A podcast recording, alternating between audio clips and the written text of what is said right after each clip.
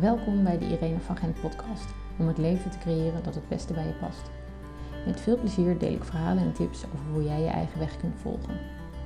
Mijn naam is Irene van Gent en ik ben schrijver van de boeken Geluk en Acht Koppen Thee en Volg je eigen weg. Meer blogs en verhalen vind je op mijn site irenevangent.com.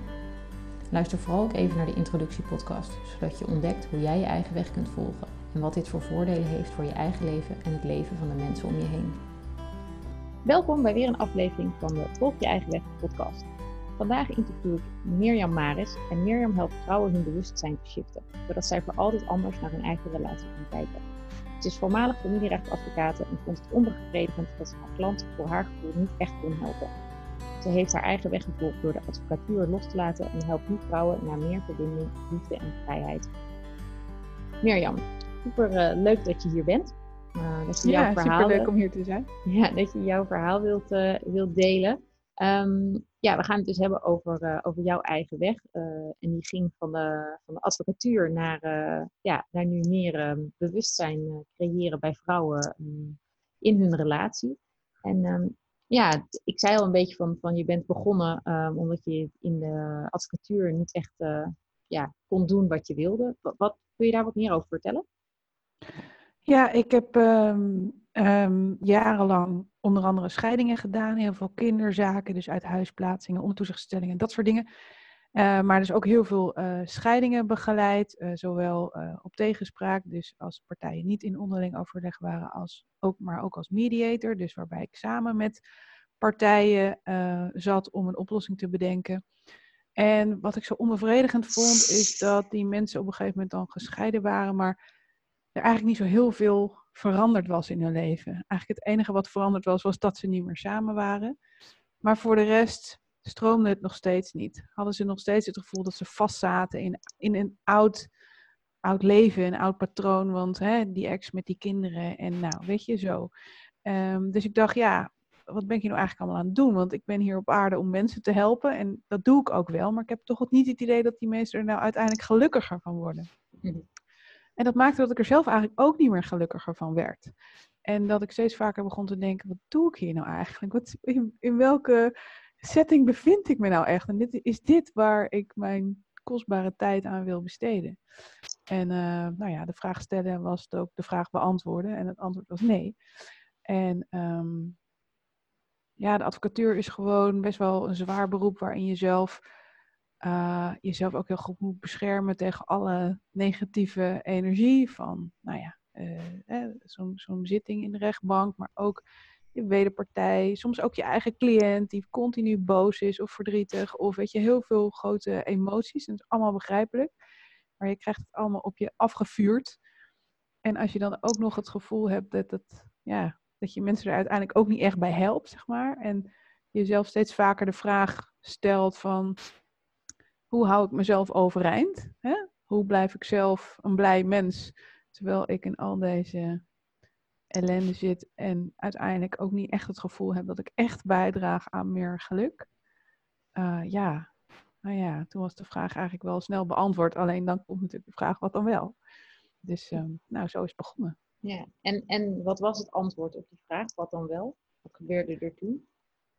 Ja, nou, dat heeft niet zo heel lang geduurd, gelukkig. Um, want ik zie ook een hoop uh, vrouwen om mij heen die heel lang worstelen met die vraag. Ja, ik wil iets anders, maar ik weet niet wat.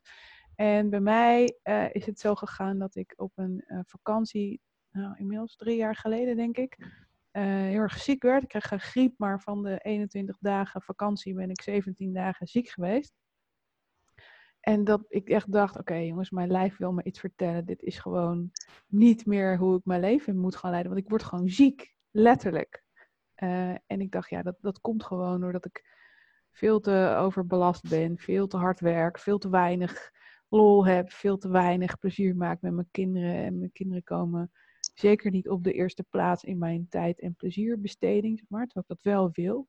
Met andere woorden, de balans was zoek. Dus toen heb ik op die vakantie uh, nou, toen ik uh, eh, 39 tot 40 graden koers heb besloten van oké, dit is gewoon een teken en dit is gewoon niet wat ik wil. Wat wil ik dan wel? En uh, ja, die vraag heb ik eigenlijk het universum ingeslingerd. En uh, what do you know? drie maanden later was ik op een congres van de stichting Lawyers as Changemakers. En dat is een organisatie die vanuit Amerika naar Nederland is gekomen. En zij ehm, ja, organiseren bijeenkomsten voor juristen die de menselijke maat eigenlijk weer terug willen in het recht. Dus niet per se de regeltjes willen volgen, maar die de mens uh, centraal willen stellen. Nou, daar was ik al vaker geweest, maar nu hadden ze een congres, dus superleuk. Ik naar het congres en er waren allerlei workshops. En ik zou geloof ik een workshop volgen over geweldloos communiceren of zo. En één minuut voor de workshop dacht ik, nee, ik moet bij die andere workshop zijn. En dat was een workshop over vergeving van Eileen Barker uit Californië. En ik had niet zo heel veel met het onderwerp vergeving, maar ik voelde heel duidelijk, oké, daar, daar moet ik zijn.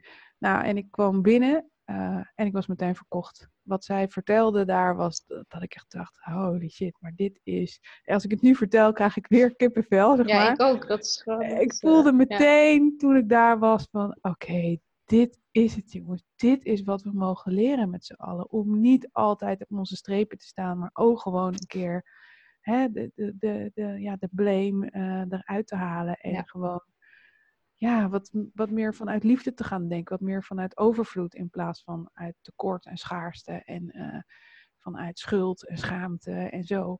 En um, nou ja, zo is het begonnen eigenlijk. En ik heb me daar toen um, gedacht van, oh my god, wat nu? Wat ga ik dan doen? En uiteindelijk dacht ik, ik moet gewoon ergens beginnen. Dus ik heb bij Eileen de opleiding gevolgd uh, van het Forgiveness Institute in California. En uh, ja, dat heeft mijn hele leven veranderd eigenlijk. En de hele manier, heeft mijn bewustzijn mega geshift. Um, op alle fronten eigenlijk, op alle vlakken. En uh, ja, zo is het verder gerold, het balletje eigenlijk. Ja, want vergeving is natuurlijk een, een heel groot, groot onderwerp. Want, en het raakt je meteen. Het is grappig, want ik zei net al, ik krijg ook kippenvel. Zo, zodra jij erover begon te praten, kreeg ik kippenvel. Dat vind ik altijd heel bijzonder. Um, uh, maar wat heeft dat uh, in jouw eigen leven geshift? Zeg maar op Mega persoonlijk veel. vlak. Ja. Mega veel. Het heeft me ongelooflijk, het heeft echt mijn kijk op de wereld veranderd. Ik ben echt geshift van ja, uh, schaarste denken naar overvloed denken. Dus er is genoeg voor iedereen. Ik kom niks tekort. Uh, ik hoef, uh, het, ja, het, het heeft heel erg de schuld weggehaald en ook de schaamte, zeg maar. Dus um, nou, je ziet het heel snel aan kinderen bijvoorbeeld, hè, van ja, maar dat deed jij. Ja, maar dat deed jij. Ja, als je vanuit vergeving denkt, dan doet het er eigenlijk niet zo heel veel toe wie wat gedaan heeft. En dat wil niet zeggen dat ik nooit meer boos ergens over word, maar ik kan het wel heel snel denken van, oh ja, doet dit ertoe? Nee. Hoe gaan we het oplossen? Of mm. weet je, dus de hele schuldvraag van wie wat gedaan heeft en waarvoor verantwoordelijk is, die natuurlijk een mega grote rol speelt in het recht, mm-hmm. die is helemaal, die is helemaal eruit. Om een klein alledaags voorbeeldje te geven, zo merkte ik het eigenlijk als eerste, was dat ik, nou, je hebt natuurlijk best wel veel agressie in het verkeer, hè? mensen die heel kwaad worden op andere mensen in het verkeer. En um, voordat ik dit leerde over vergeving en, en die mindset die erachter zit, had ik ook best wel eens dat als iemand mij afsneed, dat ik dacht, jezus, klootzak of zoiets, weet ik veel. Gewoon, gewoon zo'n, wat een, wat een eikel, weet je wel zo. Mhm. En als het nu gebeurt, dan komt die gedachte eigenlijk helemaal niet meer bij me op. En dan denk ik, goh, ben ik blij dat ik niet zo mijn dag hoef te beleven vandaag. Ja. Snap je? Ja. Dat ik dus niet hoef te toeteren uit ergernis, maar dat ik gewoon lekker naar mijn podcast in die auto zit te luisteren. Ja, er staat file, zo wat. Ja. Snap je? Ja. En dat is een heel klein alledaags voorbeeld. Uh, een groot voorbeeld is dat, uh, ja, we hebben natuurlijk allemaal dingen beleefd in onze jeugd, uh, waarbij we, nou ja, die, die niet fijn waren, die, waar we, waardoor we blauwe plek hebben opgelopen, die de rest van ons leven met ons mee blijven dragen als we er niks aan doen.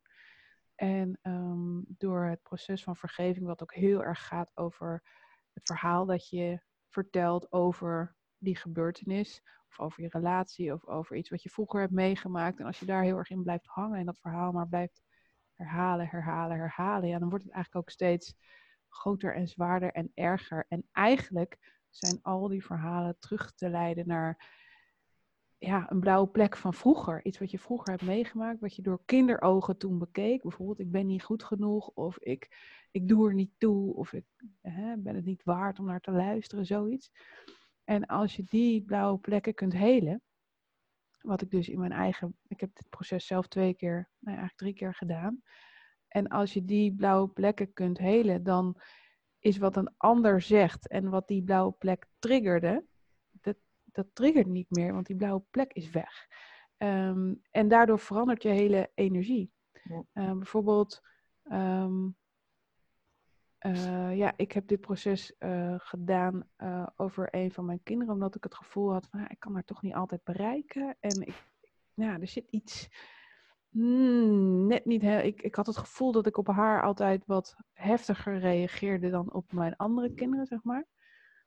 En na dat proces, dat was eigenlijk het, de eerste keer dat ik het deed, bleek dat het eigenlijk lag aan het feit dat ik het gevoel had dat ik voor haar geen goede moeder kon zijn. Dus dat was mijn eigen blauwe plek. Ik ben niet goed genoeg, als moeder in dit geval. Mhm. En toen die angel er eenmaal uit was, is onze energie gewoon mega geshift. En vanaf die tijd is zij veel opener naar mij geworden. Vanaf die tijd hebben we dus niet meer dat soort aanvaringen die we daarvoor wel hadden. Omdat er iets in mijn energie niet klopte, zeg maar. Het was een blauwe plek die bij mij getriggerd werd. Ja. En uh, ja, die blauwe plek is weg. Ja. En gaat die blauwe plek dan, dan helemaal weg? Of, of kan er nog een klein wondje zitten? Want ik, ik bedoel... Nou, wat ik gemerkt heb... Blijft er even... wel iets hangen misschien? Um, nou, um, even denken. Wat ik gemerkt heb is dat een blauwe plek soms uit meerdere lagen bestaat. Dus dat je het gevoel hebt van oké, die blauwe plek is weg, maar dat er ergens toch nog een haakje zit soms door een andere relatie die je hebt of door een andere gebeurtenis die je hebt meegemaakt, ehm, dat er nog een laagje dieper te gaan is, zeg maar. Dus dit is uiteindelijk iets wat je eindeloos uh, hè, de rest van je leven kunt blijven doen. Elke keer op het moment dat je voelt van, nou, er staat iets in de weg aan hè, een fijne relatie met iemand, of er staat iets in de weg aan het echt gelukkig zijn en het echt mijn eigen pad volgen en mijn mhm. eigen ja, hoe zeg je dat, in alignment. Of ik weet niet goed hoe je dat in het Nederlands zegt, maar echt mijn eigen ding doen op mijn manier. En dan zijn er natuurlijk altijd weer nieuwe hobbels die je tegenkomt. En dus ook weer ja, blauwe plekken die er misschien nog ergens toch nog onder blijven zitten. Ja.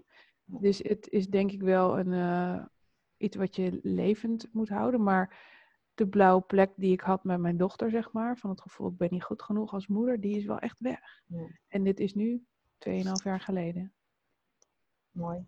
Mooi dat je dat zo kunt helen. En heb je die, kun je die resultaten dan inderdaad ook, want je werkt dus met, met vrouwen die, die in hun eigen relatie moeilijkheden uh, hebben. En waarschijnlijk ook in hun relaties met, uh, met hun kinderen.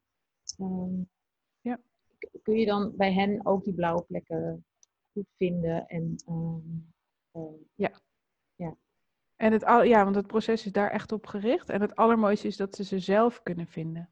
Ja ik leer ze om ze zelf te vinden en ze ook zelf uh, te helen. Mm-hmm. En wat je dan krijgt, en dan krijg ik weer helemaal kippenvel als ik dat als ik doe. Ik had laatst een, uh, een klant en die, um, die zat, zit bij mij in het traject en die zei op de vraag uh, die ik stelde van wat, was, wat zou nou het eerste zijn dat je echt graag zou willen veranderen aan je man? Hè? Wat zou hij nou als eerste, wat zou je nou echt zeggen van als hij dat had, oh, dat zou ik zo fijn vinden. Mm-hmm. En toen zei ze, ik wou dat hij zich wat meer opende naar mij. Nou, dat was op een bewuste, uh, ik geloof uh, maandag of zo dat ze dat zei. Mm-hmm. En uh, diezelfde week nog had ze een gesprek met hem over iets wat was voorgevallen, gewoon iets huiselijks, zeg maar. Nou, dat, dat, dat werd een wat dieper gesprek. En uh, uiteindelijk liep dat een beetje stroef. Dus ze gingen, uh, nou ja, uit elkaar, nee, niet uit elkaar, maar zo, ze gingen slapen. Zo van, nou ja, oké, okay, we hebben het er nog een keer verder over, maar dit was het voor nu even. En de volgende dag belt hij haar op in de auto. Dit was dus zeg maar de vrijdag en de maandag had ze dat zeg maar. Toen belt hij haar op in de auto van, uh, weet je, ik realiseer me nu, ik moet me gewoon wat meer openstellen naar jou. Terwijl hij dat dus niet tegen hem gezegd heeft. Het is toch mhm. ongelooflijk hè, dat dat soort dingen gewoon gebeuren. Terwijl, ja, ja, dat zit dus ergens in, in de energie, zeg maar, die zij dan op dat moment uitstraalt. Ik weet niet hoe ik het anders moet verklaren. Een andere klant die uh, bezig was met de afronding van dat traject, dat niet had verteld tegen haar man. En haar man neemt gewoon die dag een bos rozen voor haar mee, wat hij al, I don't know how long, niet gedaan had. Dat soort dingen krijg je. Dat is echt zo bizar. En dat is ook mijn eigen ervaring hoor. Dat als je energie echt veranderd is, doordat die blauwe plek aan het helen is, zeg maar. Ja, dat er gewoon iets, iets verandert. Zo heb ik tegen mijn kind nooit gezegd: Ik heb iets over jou gedaan. En de dag dat ik terugkwam van dat event, klimt ze in mij om me niet meer los te laten. En ze heeft de hele, ze wilde alleen maar bij me zijn. Terwijl ze dat normaal gesproken, ja, zit ze even op schoot, ze is oud genoeg en dan gaat ze weer weg, weet je. En, en kon ze niet van me afblijven. Het was echt zo bijzonder dat dat gewoon gebeurt, terwijl ik dus niks tegen haar heb gezegd. Ja. En zo snel dan ook al, hè? ja, heel eh, snel. Ja. ja. Door de bank genomen is er binnen twee weken al een resultaat. Ja. En eigenlijk al heel vaak voordat mensen beginnen, als ze eenmaal de knop om hebben gezet van oké, ik ga het doen, ja. dan shiften er al dingen. Ja. Hoe verklaar je dat? Kun je daar iets? Is het niet te verklaren? Ja, het is ja zeggen tegen jezelf. Ja. Het is de, de, want, want in het proces ga je eerst de verbinding aan met jezelf. Je gaat op zoek naar je eigen blauwe plek. Die ga je helen en vervolgens ga je de communicatie aanpassen. Maar dat kan dan ook veel makkelijker, omdat die blauwe plek er niet meer zit. Ja. We zitten allemaal zo vast in onze patronen van, ja maar jij, ja maar jij. Ik bedoel, je kan, iedereen kan, ik ook hoor, die situatie met hun eigen partner, moeder, vader, weet ik veel wie, gewoon uittekenen. Hè? Ik zeg iets, hij of zij reageert zo. Dan zeg ik weer dit en dan gaan we dat. En dan uiteindelijk, nou ja, knalt het. Of je trekt je allebei terug. Of één trekt zich terug, een ander wordt boos. Nou, zo, weet je, ja. dat kunnen we allemaal uittekenen. Het zijn gewoon vaste dingen. En op het moment dat één daarvan eruit stapt, in het geval van mezelf, dat ik er dus achter kwam van, nou, oké, het ligt helemaal niet aan haar dat zij gesloten of complex of weet ik veel mhm. wat is. Ja. Maar het ligt aan mij dat ik het gevoel heb dat ik geen goede moeder voor haar kan zijn. En toen dat eenmaal weg was, ja, hebben we dat gedoe, ja. dat vaste dingetje, dat was er gewoon niet meer. Ja. Ja. En, en, heb je dan ook dat er relaties gered worden door, uh, of, eh, bij mensen die eigenlijk al zoiets hadden van, nou, ik ga bij mijn partner weg, want dit werkt gewoon niet. Want dit als een soort van optie zien um, om met jou te gaan werken en dan opeens blijkt dat er heel iets anders aan de hand was dan ja. dan dat, het, dat die relatie voorbij was. Ja, zeker. Ja, wat heel veel mensen, een van de redenen waarom ik er ook op, op ben gekomen om alleen met vrouwen te werken, is dat ik tijdens uh, gesprekken in mediations heel vaak hoorde van meestal de vrouw tegen de man, maar ook wel eens andersom, moet ik mhm. bekennen, maar in percentages, hè? Nou ja, zo. Ja, ja. Ehm, van ja, maar jij wilde ook nooit in relatietherapie. En wat ik ook best wel vaak hoor, is dat mensen zeggen: ja, we hebben al relatietherapie geprobeerd, maar er zit nog net even iets hè, dat we niet opgelost krijgen. Ja. Maar het is natuurlijk wel zo dat er nog ergens wel een soort van basis van. Er moet nog wel een beetje hoop zijn dat het nog goed kan komen. Ja. Hè, het zijn door de bank genomen wel vrouwen die denken van shit man, vroeger hebben we het leuk gehad. En nu zijn we verworden, ben ik verworden tot iets, hè, tot iemand die ik eigenlijk helemaal niet wil zijn. Ja zijn zo'n kibbelend stel geworden waarvan ik vroeger altijd dacht, oh my god, vreselijk als je zo oud moet worden. Nou dat. Ja. En dat wil ik eigenlijk helemaal niet. Maar we hadden het vroeger wel heel leuk. Hoe kan dat nou? Ja. Nou, dat, een beetje op die fiets. Kijk, ik heb ook wel stellen in mediation gehad die gewoon echt ja, echt walging voor elkaar voelde. Gewoon echt oprechte van, ach, dat ik ooit met jou getrouwd kan je een keer in de woede uitbarsting zeggen, hè? maar dit was gewoon echt een gevoel van, nou, ik begrijp niet dat ik ooit zo achtelijk heb kunnen zijn om met jou te trouwen, zeg maar. Mhm. Ja, dan is even de vraag of je niet al te ver bent afgegleden en of er nog een basis is om door te gaan. Ja. Maar er zijn wel echt vrouwen die uh, zeggen, en dat percentage best wel groot, dat zegt van, nou ja, als ik dit niet doe, dan is het gewoon echt klaar. Ja. Dan werkt het, dan is het gewoon, dan trek ik de stekker eruit. Dit, Ik ga dit nog proberen. Als dat niet werkt, dan. Maar ik, wat mijn ervaring is, is dat mensen eigenlijk niet weten dat het ook kan. Kijk, mensen gaan niet lekker in een relatie en denken, oké, wat kunnen we doen? Ik wil iets doen. Wat kunnen we doen? Relatietherapie. Nou, die weg loopt dan dood. Of omdat een van beide partners niet wil. Of omdat ze het al een keer geprobeerd hebben, maar denken, ja, weer teruggevallen in mijn oude shit, zeg maar. Ja. Teruggevallen in mijn oude patroon. Ja, wat dan? Nou ja, stikken of slikken. Dan is het toch vaak of we blijven bij elkaar totdat de kinderen thuis het zijn. Ja. En dan denk ik echt, oh, wat ontzeg je jezelf een hoop ja. geluk. En wat zeg, ontzeg je je kinderen ook een hoop geluk. Hè? Want ik geloof dat die kinderen natuurlijk van ons leren hoe een relatie werkt. Ja. En ehm, ja, of we stekken de stekker eruit. Nou ja, en dit is dus eigenlijk een vierde optie. Waarbij je door verbinding te maken met jezelf en je eigen interne wereld. ehm, en vervolgens je communicatie daarop aan te passen. ehm, ja, waardoor je gewoon echt een mega energieshift in jezelf krijgt. En dus ook in het patroon waar je in zit. Dat kan niet anders. Ja. Mooi. Hey, en wat doe jij om ehm, dit elke dag te kunnen blijven voelen?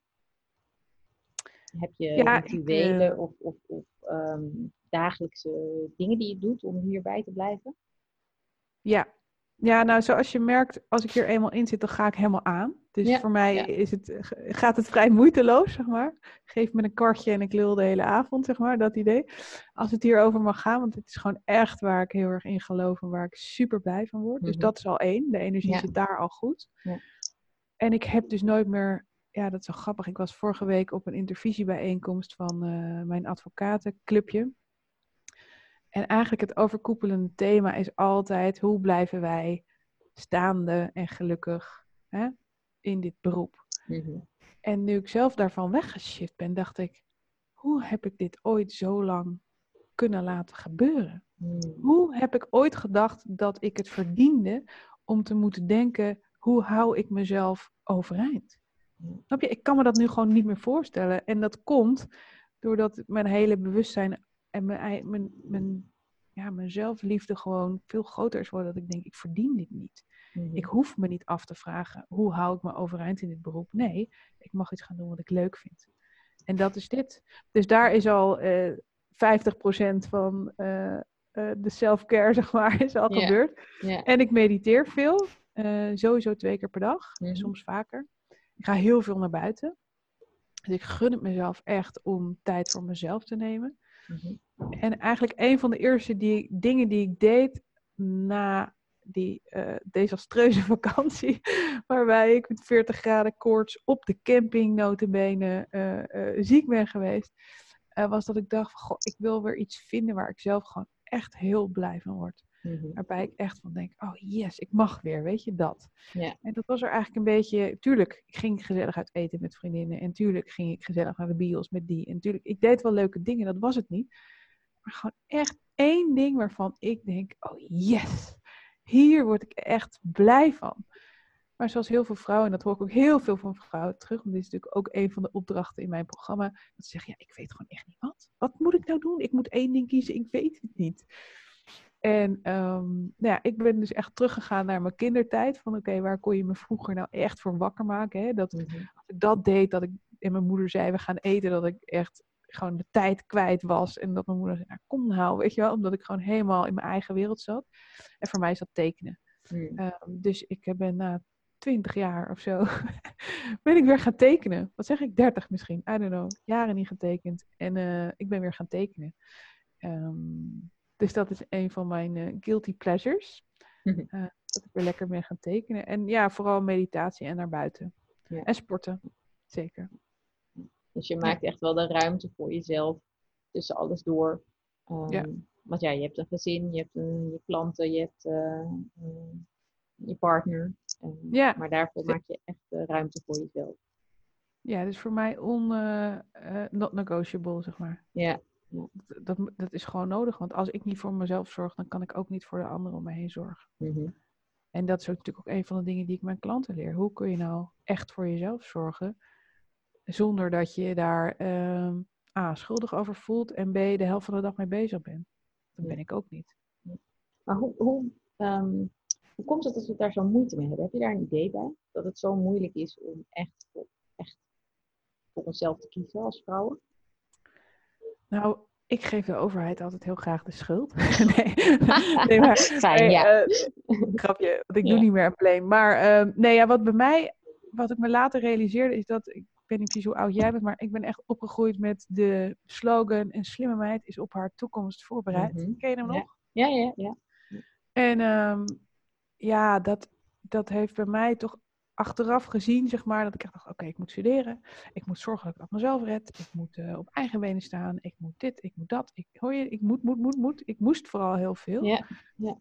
En ik moest het allemaal goed en ik moest het allemaal snel en ik moest het allemaal hè, volgens het boekje en ik moest het allemaal, nou, weet ik veel. Ik moest gewoon van alles. Ja, daarnaast denk ik dat wij ook wel echt in de wieg gelegd zijn om te zorgen voor alles en iedereen. En ook ergens van onze moeders misschien, of van onze oma's, ik weet niet, het gevoel hebben gekregen dat voor jezelf zorgen daar niet bij, dat je jezelf hoort weg te cijferen of zo. Dat voor jezelf zorgen daar, ik hoor ook van heel veel klanten van, ja, maar vind je het dan niet asociaal als je dat doet? Als je, ik bedoel, ik rij rustig voor een leuke tekencursus anderhalf uur heen en anderhalf uur terug. En dan zeg ik tegen mijn gezin, jongens, mama is er vanavond weer, slaap lekker, weet je? En dat doe ik gewoon, omdat Mhm. ik weet dat ik daar heel blij van word en dat ik die blijheid overdraag aan mijn kinderen. Ja. En heel veel andere mensen zeggen dan, ja, maar serieus, doe je dat echt? Kan dat zo? Weet je, Ja. kan zo, maar zonder schuldgevoel, want ik haal er gewoon vooral heel veel plezier uit. Ja. En ja, ik denk dat we dat gewoon nooit geleerd hebben. Ja. Denk ik. Ja, nou, ik, ik ben het helemaal, ik bedoel, ik kan me daar helemaal in, eh, in vinden. Vooral dat, dat moeten en inderdaad eh, eh, dat, het dat het ons een beetje opgelegd is nu dat we al die kansen die we hebben gekregen, want dat denk ik ook wel, we hebben ook heel veel kansen gekregen als vrouwen als je kijkt naar hoe we 100 jaar geleden werden behandeld en hoe we nu worden behandeld. Zeker. Ehm, alleen geloof ik ook dat omdat we zo'n enorme, eh, omdat we zulke zorgzame wezens zijn, ehm, het heel moeilijk is om alles wat we nu kunnen, namelijk en werken en reizen en voor onze kinderen zorgen en dan ook nog zorgen dat er goed eten op tafel komt en nou ja, al die cursussen en dingen die we allemaal kunnen doen, ja, het is veel. En, Ja. ehm, en we willen het allemaal goed doen. Ehm, Ja. Want falen, dat eh, hoort er eigenlijk niet zo erg bij. Dus ik, Nee. ik, ik, ja, ik, ik voel dat dat moeten, dat is wel echt een ding. Ik denk heel veel voor mij ook. Ik bedoel, ik hoor het mezelf nog vaak genoeg zeggen. Ehm, en laatst had ik ook een gesprek met, met iemand die zei, ja, nou, dat- ik moet nu even ontspannen. Ik dacht, oh ja, ik ga mezelf niet verplichten om te ontspannen. Weet je wel? Dus het is, het is ook gewoon best lastig, dat hele stuk voor jezelf kiezen en jezelf geven wat je echt nodig hebt. En, Ja. ehm, en ik vind het zelf ook nog steeds een uitdaging. Hè? Ik bedoel, ik, ik, heb de, de, ik heb dan geen gezin, maar het is wel voor mij ook nog steeds een uitdaging om te zeggen, oké, ik laat mijn werk nu even liggen. En ik ga echt even zorgen dat ik eh, eh, frisse lucht of, eh, of wat anders krijg. Ja. Eh, om mezelf even goed te voeden. Ja, Ja. dus dat blijft een uitdaging. Ja, ik heb zelf eh, uiteindelijk, ik, ik ben van nature vrij, ehm, eh, hoe zeg je dat? Fladderig, is dat het goede woord? Dat weet ik niet. Go with the flow, zeg maar. Ja, ja, oh, dan komt dit voorbij, en oh, dan komt dat voorbij, en oh, dan komt zus voorbij, weet je, zo zit ik een beetje elkaar. Dus ik moet mezelf een beetje dwingen. Het is heel grappig, want gisteren zei mijn social media dame, van, volgens mij ben je heel gestructureerd. Hè? Toen dacht ik, nou, het zelf net niet helemaal. Maar ik ben dus veel meer op de structuur gaan zitten. En ik heb veel meer gezegd, oké, wat wil ik nou echt? Ehm, ik wil echt mediteren, s ochtends en s avonds. Hoe ga ik dat doen? Eh, want ik heb drie kinderen die allemaal vroeg aan mijn bed staan. Dus ik wil dat dan doen. Ehm, en ik, ik wil naar buiten. Dat, ik vind dat ik dat moet doen, maar in de goede zin van het woord. Omdat Mhm. ik weet dat ik er heel veel uithaal. Wanneer kan ik dat doen? Tussen de middag. Dus ik ga, eigenlijk maak ik nu een uitzondering voor jou door een afspraak te maken tussen de middag. Eigenlijk doe ik dat dus nooit. Ik ga altijd naar buiten tussen de middag. Ja. Wat heb ik daarvoor nodig? Goede schoenen die tegen het, ik woon aan het strand, dus hè, die tegen het zand kunnen. Ik wil een jas die dus ik heb alle praktische dingen zo ingeregeld dat dat ook gewoon kan. Dat ik niet het excuus kan verzinnen, oh, maar mijn jas is niet waterdicht. Nee, Oh, ik heb een waterdichte jas, dus ik ga het ook gewoon doen. Ja. Dus het heeft wel eigenlijk heel erg met een stuk commitment te maken van, vind ik mezelf, gun ik het mezelf en vind ik mezelf belangrijk genoeg Ja. om dat te doen. Ja. En wat jij zegt net over van ja, ik heb geen gezin, dus dan is het weer anders. Ik denk dat het nog moeilijker is als je geen gezin hebt, omdat je dan eigenlijk niemand hebt die op de rem trapt. Kijk, mijn kinderen staan nog te huilen als ik te laat thuis ben. Omdat ze zeggen, "Mama, waar ben je?" Snap je? Ja. Dus, Ja. dus ik heb wel een stok achter de deur om Ja. dan gewoon naar huis te gaan. En Ja. ook om s'avonds te zeggen, oké, die telefoon gaat uit. Ja. Een van de dingen die ik heb gedaan eh, om mezelf ook te beschermen. Want ik geloof ook dat een van de problemen van deze tijd is dat we te veel afleiding hebben. Te veel versplinterde aandacht en te veel nou ja, hè, social media, die Netflix, noem het maar op. En we kunnen de hele dag alleen maar tv kijken, uh, als we willen. Uh, we kunnen de hele dag alleen maar, ik bedoel, ik zie het aan de kinderen, stomzinnige YouTube-filmpjes bekijken totdat we ons wegen. En dat doen we soms liever dan iets te doen waar we gevoed door worden, zeg maar. Mm -hmm. Dus om mezelf te beschermen heb ik een dumbphone gekocht. Jawel, een ouderwetse Nokia, wat is het? 3310? Ik weet ja, niet. Ja. Zo heen. Ja. Uh, met een duo SIM-kaart. Dat betekent dat ik mijn smartphone uit moet zetten om mijn dumbphone aan te zetten. Ze kunnen niet tegelijk aan. En um, nou, dus als ik met de kinderen ben, dan heb ik die aan. En dat betekent dus dat ik tegen de ouders van de vriendjes met wie mijn kinderen spelen zeg: Ik ben dus niet bereikbaar via de WhatsApp. Je moet me even bellen als er iets is. Ja. En uh, nou, ik kan je zeggen dat de eerste dag dat ik dat deed, dat ik echt dacht: Oh my god, ik ben iets vergeten. Wat ben ik nou toch vergeten?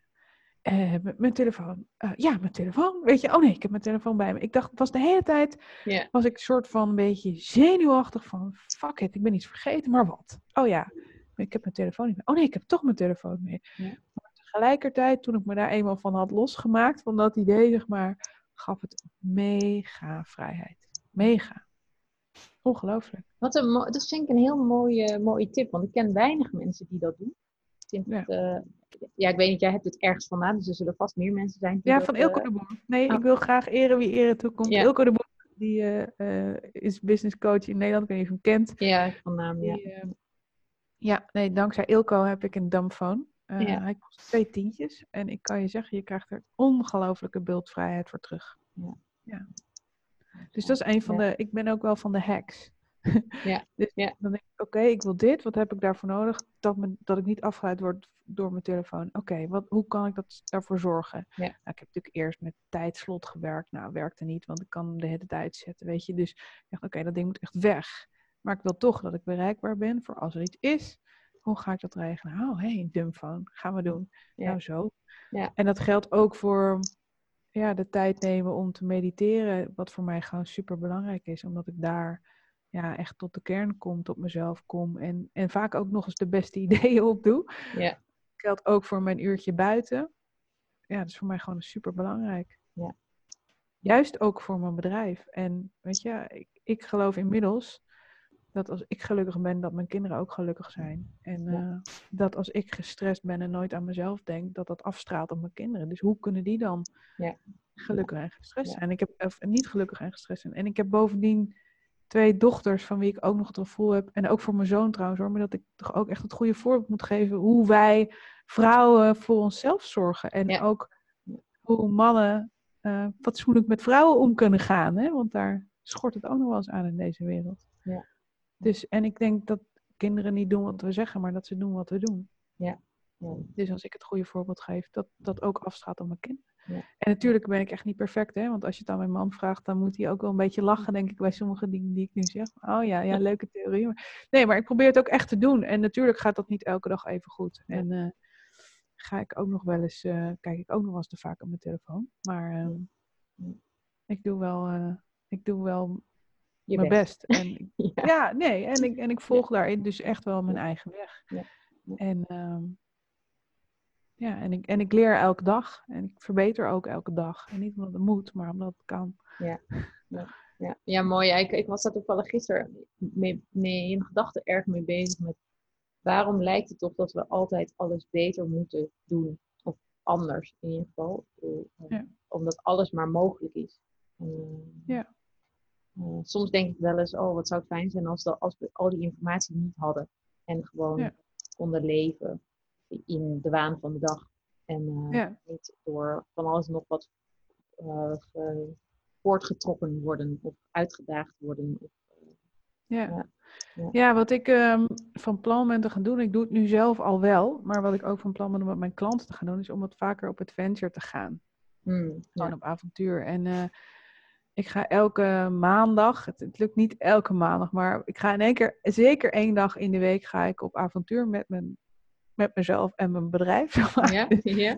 Uh, dat kan een studie of een, een, een cursusdag zijn, maar het kan, uh, mijn ideaalbeeld is dat ik een mobile office uh, heb, dus een busje. Ja. En dat ik vanuit daar één dag in de week ga werken. Maar ik ben ook als naar het Van Gogh Museum gedaan, gegaan. Dat ik eerst mij heb laten inspireren door die mooie schilderijen. En daar in het museumcafé heb gewerkt. Of uh, naar uh, een, een, een, trainingsdag met een fijne, fijne trainingsdag. Dus niet een cursus, maar echt een fijne dag. En van daaruit heb gewerkt. Um, omdat ik te weet dat het zo fijn is om gewoon af en toe uit je dagelijkse sleur getrokken uh, te worden. Om ja. gewoon echt even de dingen van een ander perspectief te kunnen bekijken. En je, ik merk dat het dan juist heel erg gaat stromen van oké, wat heb ik te doen? Oh, wacht even. Hier uh, zit nog een, een, een, angeltje of daar zit nog een dingetje. En, en niet per se. Het verschil is denk ik dat ik het niet doe om, om beter te worden maar om dichter bij mezelf te komen. En um, ja, dat, dat is waar ik naar op zoek ben. Dus ik ben niet op zoek naar meer en beter, ja. maar wel veranderingen die ervoor zorgen dat ik dichter bij mezelf kom. Ja. ja echt die verbinding met jezelf aangaan om van daaruit de verbinding met de wereld om je heen te komen. Zeker. En dat betekent dus ook dat ik al best wel een tijdje. En ik, ik zit nu een beetje dat ik denk van nou, ik heb wel weer iets meer behoefte. Maar dat ik echt een tijdje gewoon geen nieuws heb gevolgd. Gewoon niet. Ik dacht, ik trek het even niet. Al die ellende, jongens. Mijn hemel. Wat praten we onszelf ook allemaal aan. Die, en die, en nu ook met dat coronavirus. Ik neem het echt wel serieus. Maar ik denk echt bij sommige dingen van jongens. We praten onszelf harder. Het coronavirus ons uitroeit, weet je. Ja. Tuurlijk is het terug dat er mensen aan dood gaan. Maar ja, zijn we, zijn we nou helemaal mee bezig, jongens? Maken we het niet veel groter dan het is? Ja, ja, ja en, en, ja, dat is ook een beetje die, al die impulsen wat je net zei, hè, die we maar krijgen en krijgen en krijgen. Soms is het ook gewoon heerlijk om even te zeggen, jongens, de wereld kan wel even zonder mij. Ik trek even de stekker eruit. Ja. En als er belangrijke dingen zijn, dan hoor ik het meestal wel. Ja.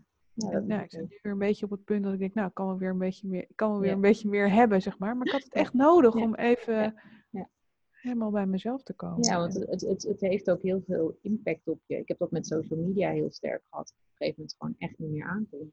Gewoon alles wat ik zag, die me op wat voor manier dan ook. Dat ik echt zei, ja. ik kan het gewoon niet erbij hebben. Ik stop ermee. Ja. Tot er weer een punt kwam eh, waarvan ik dacht, ja, oké, nu gaat het wel weer. Ja. Nou, ik heb uh, Netflix van mijn telefoon uh, gegooid. Omdat ik um, ja, het, het was echt slecht voor mijn nachtrust. en ik kon mezelf toch niet goed genoeg beheersen. Toen dacht ik, oké, wat heb ik nodig? Slaap. Hoe ga ik dat bereiken? Netflix eraf. Hup, eraf. Ja. En doe wat je moet doen. Mis ik het? Nee, geen seconde eigenlijk. Nee. Want het vult me niet op. Het trekt me eigenlijk alleen maar leeg. En um, er was net nog iets waarvan ik dacht. Uh, wat zei je nou net? Oh ja, over al die invloeden, hè? over al die impulsen. Wat ik ook zo mega eye-opener vond, was dat ik op een gegeven moment ergens las dat de gemiddelde mens in de middeleeuwen uh, de nieuwswaarde in zijn hele leven kreeg, wat wij in één krant lezen.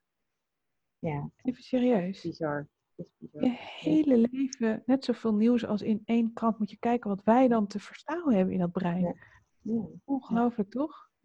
Waarom eigenlijk? Waarom willen we dat ook allemaal? Ja weten en horen. En uh, ja, nee, het is echt heel heilzaam om af en toe gewoon even te zeggen: Oké, kijk gewoon even geen nieuws. Ja.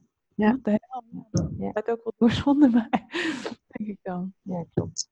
Ja, en af en toe sta je voor lul in een discussie en denk je: Ik heb geen idee. zeg je: oh, Ik heb even lekker niet nieuws gevolgd.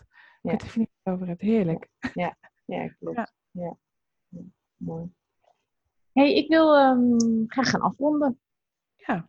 Um, dankjewel voor je, voor je uh, inspiratie. Ik heb uh, heel veel tips gekregen van jezelf waarvan ik denk, oh, die kan ik ook wel eens gaan toevoegen. De dankfoon vind ik echt een hele goede. ja. Uh, dus um, dankjewel. En um, ja, bedankt. Ja, heel veel succes op het verder volgen van jouw eigen pad. Dankjewel. En jij ook heel veel succes. Dankjewel. Dankjewel voor het luisteren. Wil je weten hoe jij je eigen weg kunt volgen? Ga dan naar mijn website irenevangent.com voor nog meer verhalen. Daar kun je ook mijn boek Volg je eigen weg bestellen. Ik wens je een hele fijne dag. Vond je deze podcast leuk? Geef dan een like en deel hem met je vrienden.